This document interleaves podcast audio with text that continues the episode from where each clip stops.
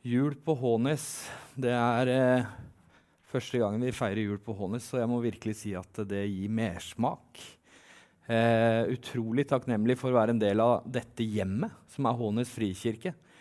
Eh, vi slipper å være eh, flyktninger. Vi kan være hjemme, vi kan komme hjem. Vi kan vaske flisene på, på, i kafeen, og vi kan stable stoler, og vi kan eh, virkelig gjøre det klart til jul. Eh, og det å ha et sånt hjem å komme inn i, det det er helt Altså, det er ikke alle forunt eh, verden over. De må gjemme seg for å kunne feire og kunne minnes dette lille barnet som, som kom til vår jord.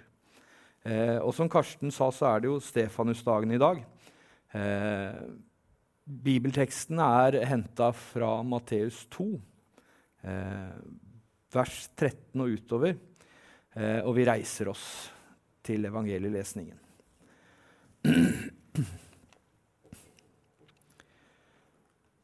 Da de var dratt bort, viste Herrens engel seg for Josef i en drøm og sa.: Stå opp, ta med deg dette barnet og barnets mor, og flykt til Egypt, og bli der til jeg sier ifra.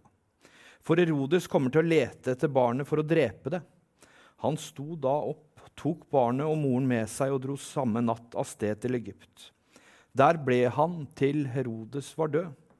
Slik skulle ordet oppfylles som Herren hadde talt gjennom profeten. Fra Egypt kalte jeg min sønn. Da Herodes forsto at vismennene hadde lurt ham, ble han rasende. Han sendte ut folk og drepte alle guttebarn i Betlehem og omegn som var to år eller yngre. Dette svarte til den tiden han hadde fått vite vite av vismennene. Da ble det ordet oppfylt som er talt gjennom profeten Jeremia. I Rama høres skrik, gråt og høylytt klage. Rakel gråter over sine barn og vil ikke la seg trøste. For de er ikke mer. Etter at Herodes var død, viste Herrens engel seg en drøm for Josef i Egypt og sa.: Stå opp, ta med deg barnet og barnets mor og dra av sted til Israels land. For de som ville ta livet av barnet, er nå døde. Han sto opp, tok med seg barnet og barnets mor og kom til Israels land. Men da han fikk høre at Arkelos var blitt konge i Judea etter sin far Herodes, våget han ikke å slå seg ned der. Han ble varslet i en drøm og dro til Galilea. Da han kom dit, bosatte han seg i en by som heter Nasaret slik skulle det ordet oppfylles som er talt gjennom profetene, at han skulle kalles en nasareer. Slik lyder Herrens ord. Vær så god og sitt. Gårsdagens, gårsdagens tekst, første, første, juledag, er fra altså Det er Johannes sin eh, eh, forståelse, det er Johannes sin fortelling om det samme som skjer. Eh, og I Johannesevangeliet brukes det en helt annen type bilder. Eh, og når Johannes starter sitt evangelium, så, stå, så, så skriver han i begynnelsen skapte Gud. Enarché ton logos ton prosteon. I begynnelsen var Ordet, og Ordet var Gud. Og Når Johannes skriver dette, så er Johannes fullstendig klar over at hver eneste israelitt, hver eneste jøde, i det sekundet du sier eller skriver 'i begynnelsen', så kobles alle opp mot den store fortellingen. Hver enkelt jøde vet eksakt hva han snakker om. Så når Johannes starter sin eh, fortelling, sitt evangelie, med 'i begynnelsen', så er alle tilbake i Genesis 1. I begynnelsen skapte Gud himmel og jord. Han setter alle jødene inn i hele sin historie, inn i den fortellingen han nå skal fortelle. I begynnelsen var ordet, altså logos, ikke, ikke Sofia, ikke visdommen, men i begynnelsen var ordet, og ordet var Gud. Og i en gresk filosofisk tankegang så var logos det var et ganske kjent ord. Det var en upersonlig kraft som står bak hele universet. Ingen som kunne si akkurat hva det var, men det var en kraft som sto bak hele universet. Så idet Johannes kobler disse to tingene sammen, så kobler han inn hele den hedensk-romerske verden sammen med den jødiske historien og deres virkelighetsoppfatning. Så skaper han en helhet. Og denne verden er det dette lille barnet blir født inn i. I en verden som er på en måte splitta, den er delt. I Israel så hadde du de som var pro, altså de som var for romernes okkupasjon, og du var de som var imot det. Du hadde Herodes som tjente seg søkkrik og var konge og, og for å lede og for å undertrykke en del, en del av folket. Og så var det noen som gjorde seg utrolig rike. Og Hvordan skal vi på en måte se dette opp mot den virkeligheten vi lever i i dag? Nå prøver jeg bare å bygge et sånt bakteppe. Hva er det som faktisk skjer her? Eh, I går så, så jeg en film sammen med svigerfar. Eh, og, og, vi satt nesten og måpte litt, begge to. Eh, og Det er en av de bedre filmene jeg har sett eh, i det siste. Og den heter 'Don't Look Up'.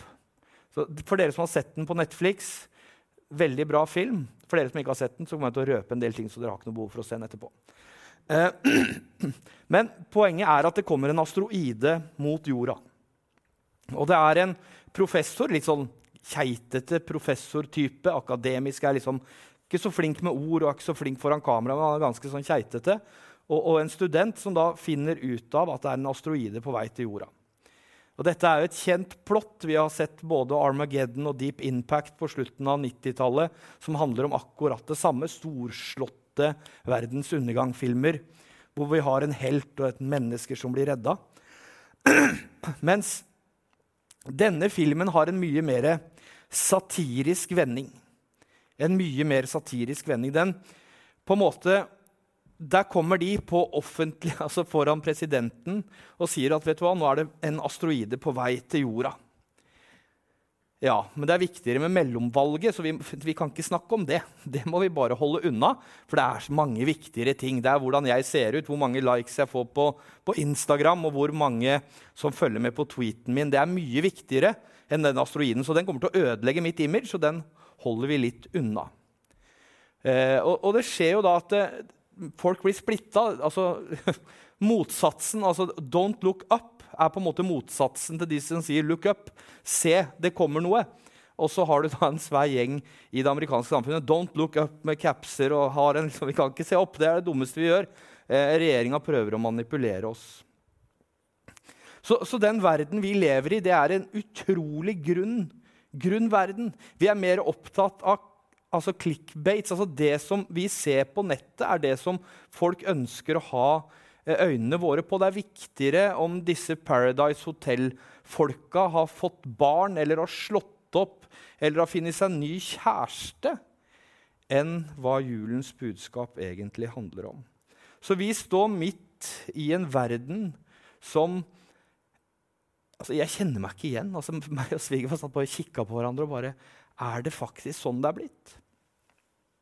Så da skal vi la den bare få lov å henge der. Eh, og så skal vi begynne å nærme oss teksten.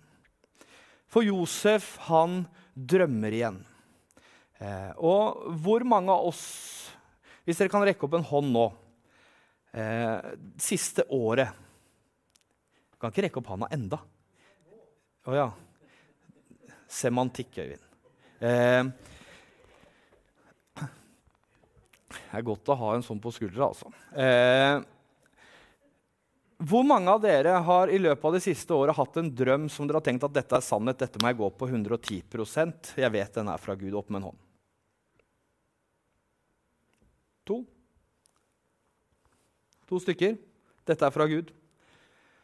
Eh, og så ser vi altså her, Gjennom denne teksten så vet vi at eh, eh, Gud har talt til Josef flere ganger gjennom disse drømmene.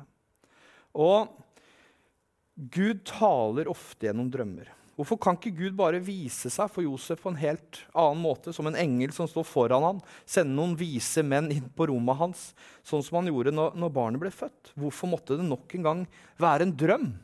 Hvorfor, skal, hvorfor presser Gud så på at eh, Josef skal drømme og gå på dette? Eh, og Hva ønsker Gud å vise oss gjennom denne historien? Du hørte jeg hosta. Tusen takk, Linda. Eh, dette er et hjem, og vi har alltid en mor i et hjem. Det er helt nydelig. Og Josef er jo en av disse personene som jeg på en måte han, han, er der, men det er liksom ikke han vi forkynner mest. Men han, et, han, er forbilledlig i veldig mange av de tingene han gjør. Han er en av heltene i Bibelen som ikke alltid får så stor plass når vi forkynner eller når vi skal undervise. Men hva har vi å lære av det Josef viser oss gjennom denne teksten? Josef var en mann som lyttet til Gud. Han åpna hjertet sitt og lytta virkelig. I første kongebok, kapittel 3, vers 9, så står det om Salomo. Gi da din tjener et lydhørt hjerte, så jeg kan styre ditt folk og skille mellom godt og ondt. For hvem kan ellers styre dette folket så stort som det er? At Salomo svarte dette, var godt i Herrens øyne, og Gud sa til ham.: Siden du ba om dette og ikke om et langt liv eller rikdom eller død over dine fiender, men om evnen til å høre hva som er rett, så vil jeg gjøre det du har bedt om. Josef lyttet til Gud, akkurat som Salomo gjør. Og I andre oversettelser så står det at eh, visdom Og hva er visdom? Jo, visdom er å lytte til hva Gud sier.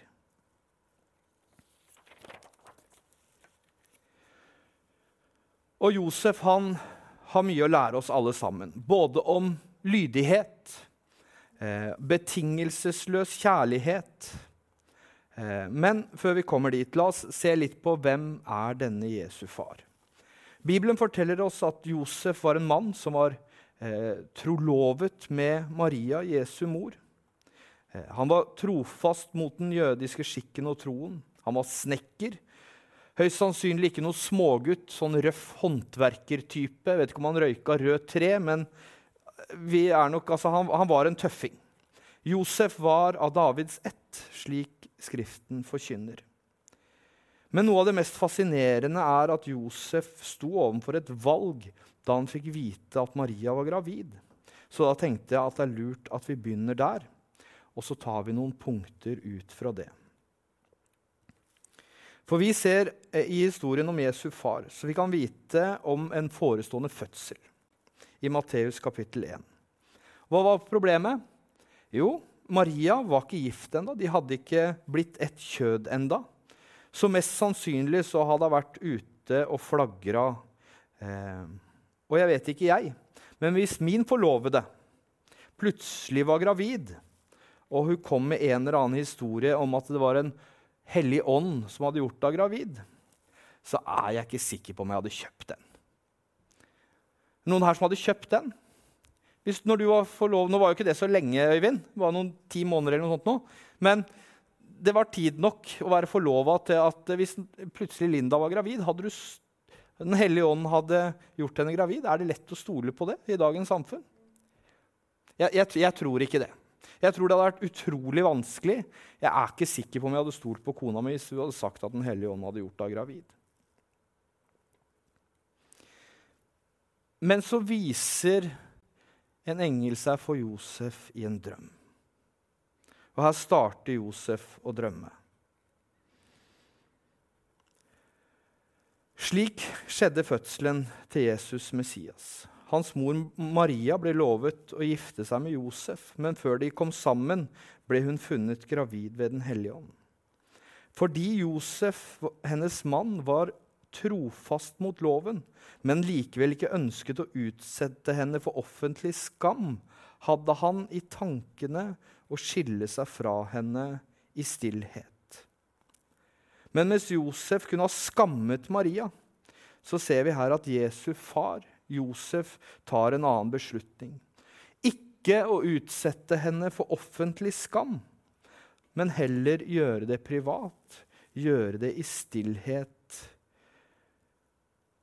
Hva er det med dette forbildet som gjør en sånn Altså en sånn fantastisk myk, vennlig og god mann som viser oss hva det vil være å vise vennlighet. Det er drømmen som han går på. Han, altså han erkjenner sannheten i drømmen. Gud taler til han gjennom drømmen. Så første punktet er at Josef lærer oss vennlighet.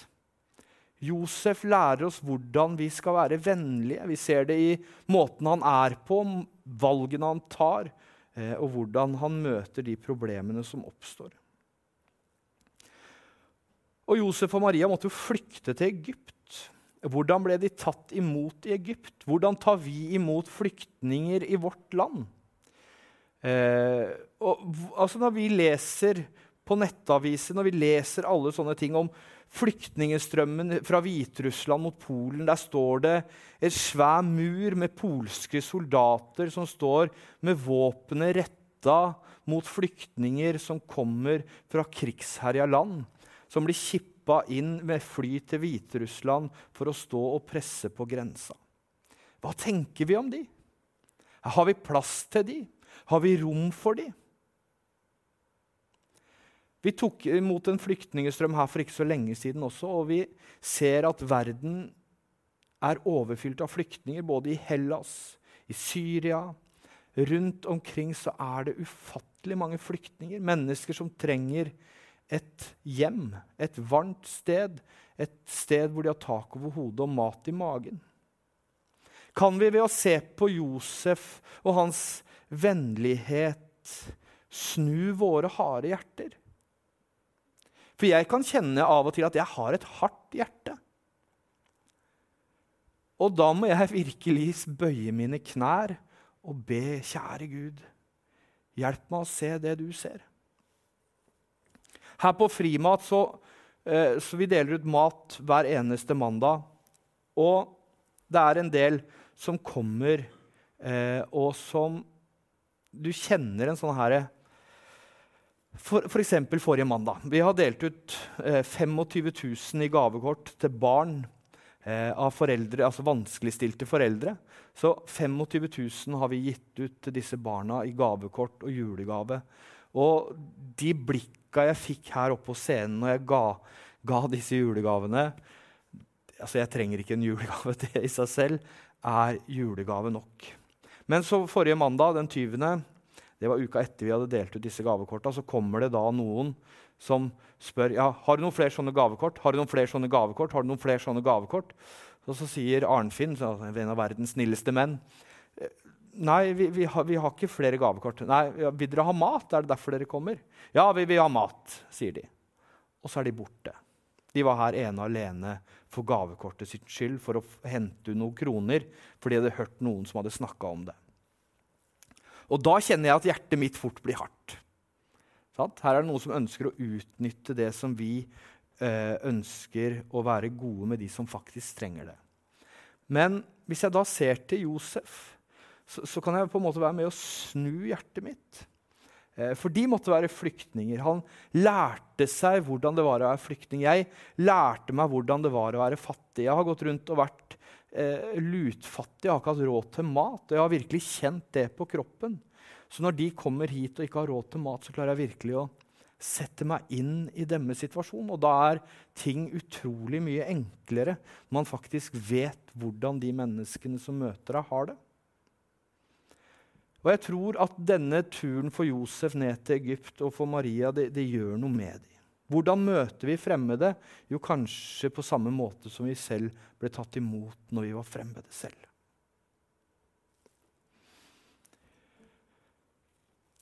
Så viser Josef oss lydighet. Jesu far lærer oss lydighet. Og når vi står midt i Josef sine tanker, så var han først vennlig mot Maria. Når han trodde hun var utro, så var han vennlig mot henne. Etter at Josef hadde vurdert skilsmisse, forteller Matteus at en Herrens engel dukket opp i en drøm med enda et budskap. Josef, Davids sønn, vær ikke redd for å ta Maria hjem som din hustru. For det som er unnfanget i henne, det er fra Den hellige ånd, og hun skal føde en sønn, og du skal gi ham navnet Immanuel, Jesus Kristus, for han skal frelse sitt folk fra deres synder. Jesu far hadde et valg når han våknet fra drømmen. Og han valgte å være lydig mot det som ble fortalt, det som en Herrens engel hadde kunngjort for ham. Og det er en leksjon om lydighet for oss alle da vi bør se til Gud og ikke våre egne innfall når det, når det handler om å ta livsavgjørelser. Og vi har alle vært der, mulighetene og valgene helt uten å se konsekvensen av dem. Vi gjør valg hver eneste dag. Hvor mange av disse valgene involverer Gud? Og der har alle sammen en helt forskjellig eh, tilnærming til det, og vi gjør mange valg. Og jeg, et vennepar av meg eh, Jeg har bedt mye for dem, og de har flytta hit.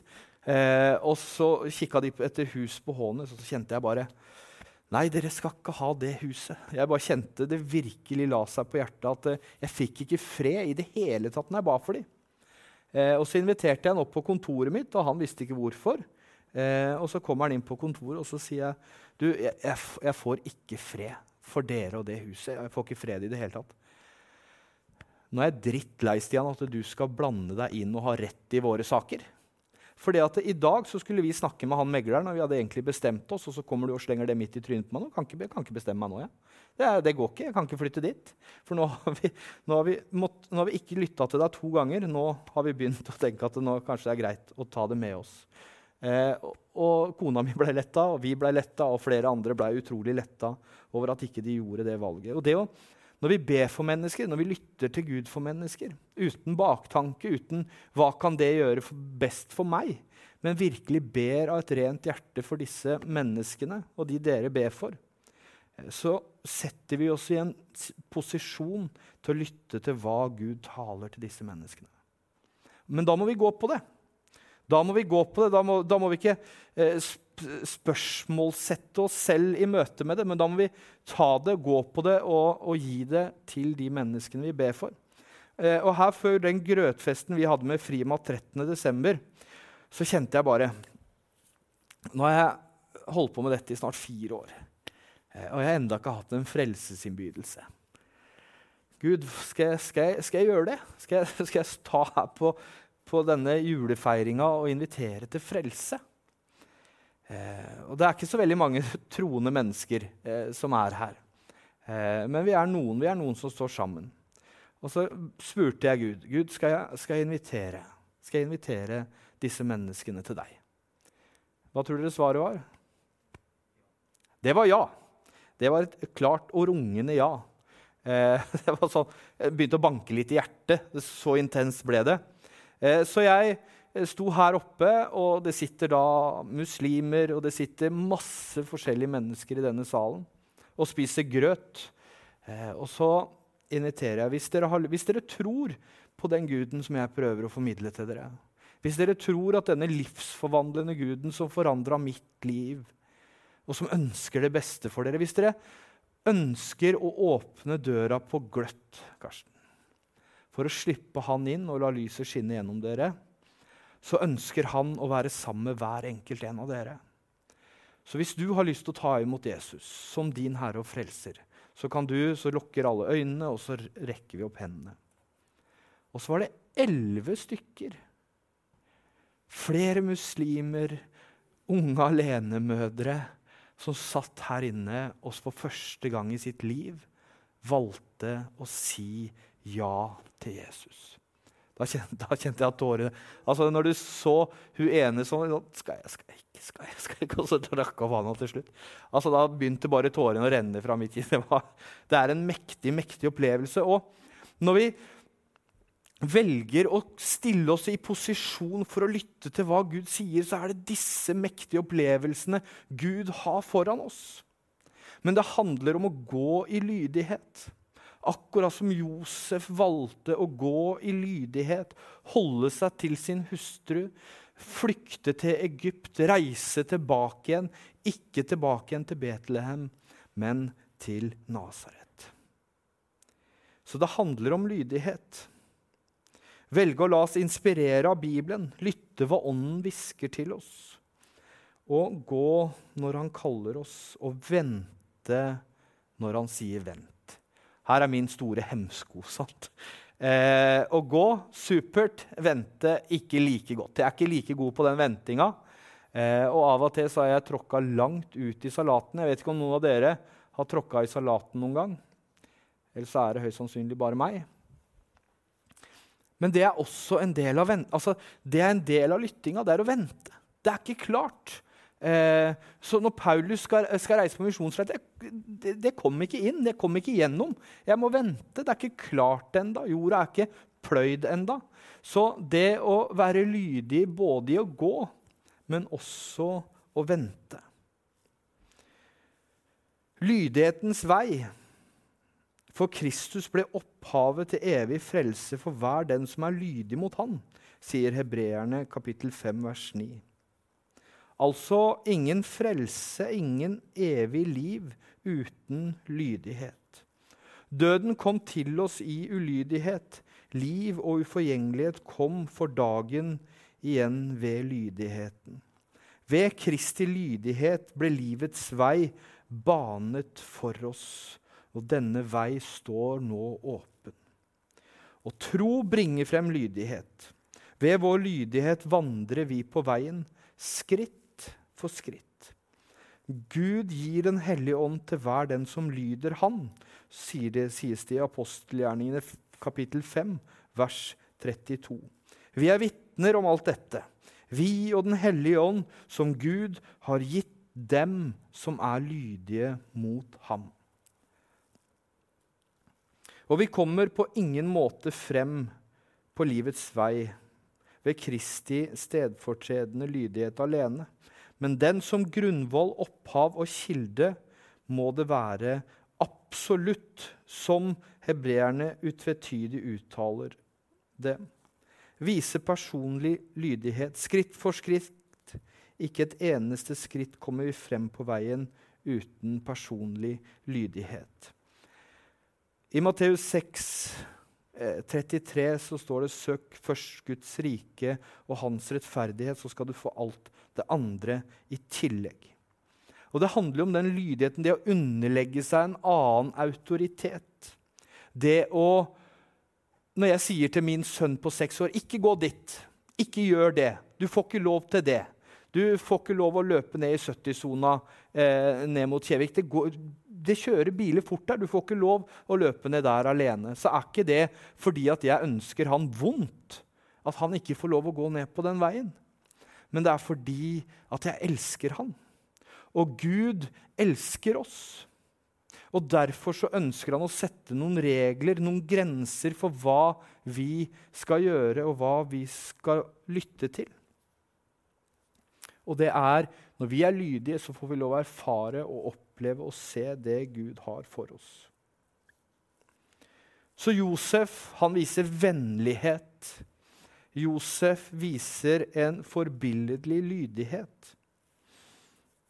Og Jesus, far Josef, er også en som beskytter. Og Det er to tilfeller der lydighet og beskyttende instinkter kolliderer i Matteus eh, 2. Eh, og det er avslørt av at en Herrens engel dukker opp i en drøm og ba Josef flykte med Jesus og Maria. Engelen advarer om at Herodes ville prøve å drepe Jesubarnet. Så de reiste og flyktet til Egypt, og familien ble der til Herodes døde. Og etter at Herodes var død, så viste Herren seg for Josef i en drøm igjen og sier, 'Stå opp, ta barnet og dets mor og dra av sted tilbake igjen til Israels land.' Josefs gjentatte lydighet og beskyttende tiltak er en veiledning for alle oss foreldre. Og disse beskyttende tiltakene altså, jeg, når jeg satt og jobba med denne preken, så satt jeg liksom og tenkte over, funderte over Hva om Josef ikke hadde lytta? Hadde vi sittet her nå da? Hvis Josef hadde blitt i Israel, ikke flykta og tenkt at dette, det, denne drømmen var noe tull hadde vi sittet her da? Det er et spørsmål jeg håper jeg skal få lov å stille når jeg kommer fram, Øyvind. Eh, og jeg gleder meg allerede. Så Josef er en beskytter. Josef er, viser vennlighet, og Josef viser lydighet. Og i møte med denne verden som er mest opptatt av å få klikk, om å gjøre å se best ut på bildet Altså, når vi skulle ta julefoto i, eh, nå på julaften, så var det sånn sånn Kom her! Kom! Sånn! Smil! Så smiler vi, altså. Sånn. sånn. Det er ikke helt ekte. Det, det er ikke helt ekte. Eh, vi, vi, prøver å fremprovosere noen smil og fremprovosere med å holde noe godteri og masse sånne ting. Eh, mens denne lydigheten som vi kalles inn i, og denne vennligheten som som Josef viser overfor Maria, eh, selv om ikke hun stoler på ham, den er forbilledlig. Så jeg tenker Hvis vi kan ta med oss Josef inn nå resten av dette året, se mennesker eh, som Josef ble møtt i Egypt, og hvordan Josef møtte Maria når han trodde hun hadde vært utro. Det er en helt, altså, Jeg er ikke sikker på om jeg hadde vært like myk eh, hvis Malin hadde, hadde gjort det. Eh, men Josef viser oss noe forbilledlig. La oss be. Takk, himmelske Far, for at du har sendt dine helter i forveien. Takk, Herre, for at du har vist oss gjennom profetene, eh, gjennom Josef, gjennom Paulus, gjennom disiplene og først og fremst gjennom ditt virke her på jorden hva vi skal streve etter, strebe etter. Takk, Herre, for at vi kan løfte blikket på deg som er troens opphavsmann og fullender, og stå det løpet. Midt i dette kaoset, midt i dette overfladiske samfunnet som vi er en del av, som ønsker eh, å, å, splitte, herske, herske, myrde og ødelegge. Du ser at vi har denne fienden. Herre, hjelp oss å finne enhet. Hjelp oss å finne denne vennligheten som Josef hadde. Hjelp oss å være lydige mot det du kaller oss til, og følge ditt ord som liv og lære i våre liv. Herre, takk for denne menigheten. Takk for hver enkelt sjel som du har kalt inn i dette fellesskapet. Herre, hjelp oss å lytte til hva du, Gud Fader, ønsker for hver enkelt en av oss og oss som fellesskap. Det ber vi om i Jesu Kristi navn. Amen.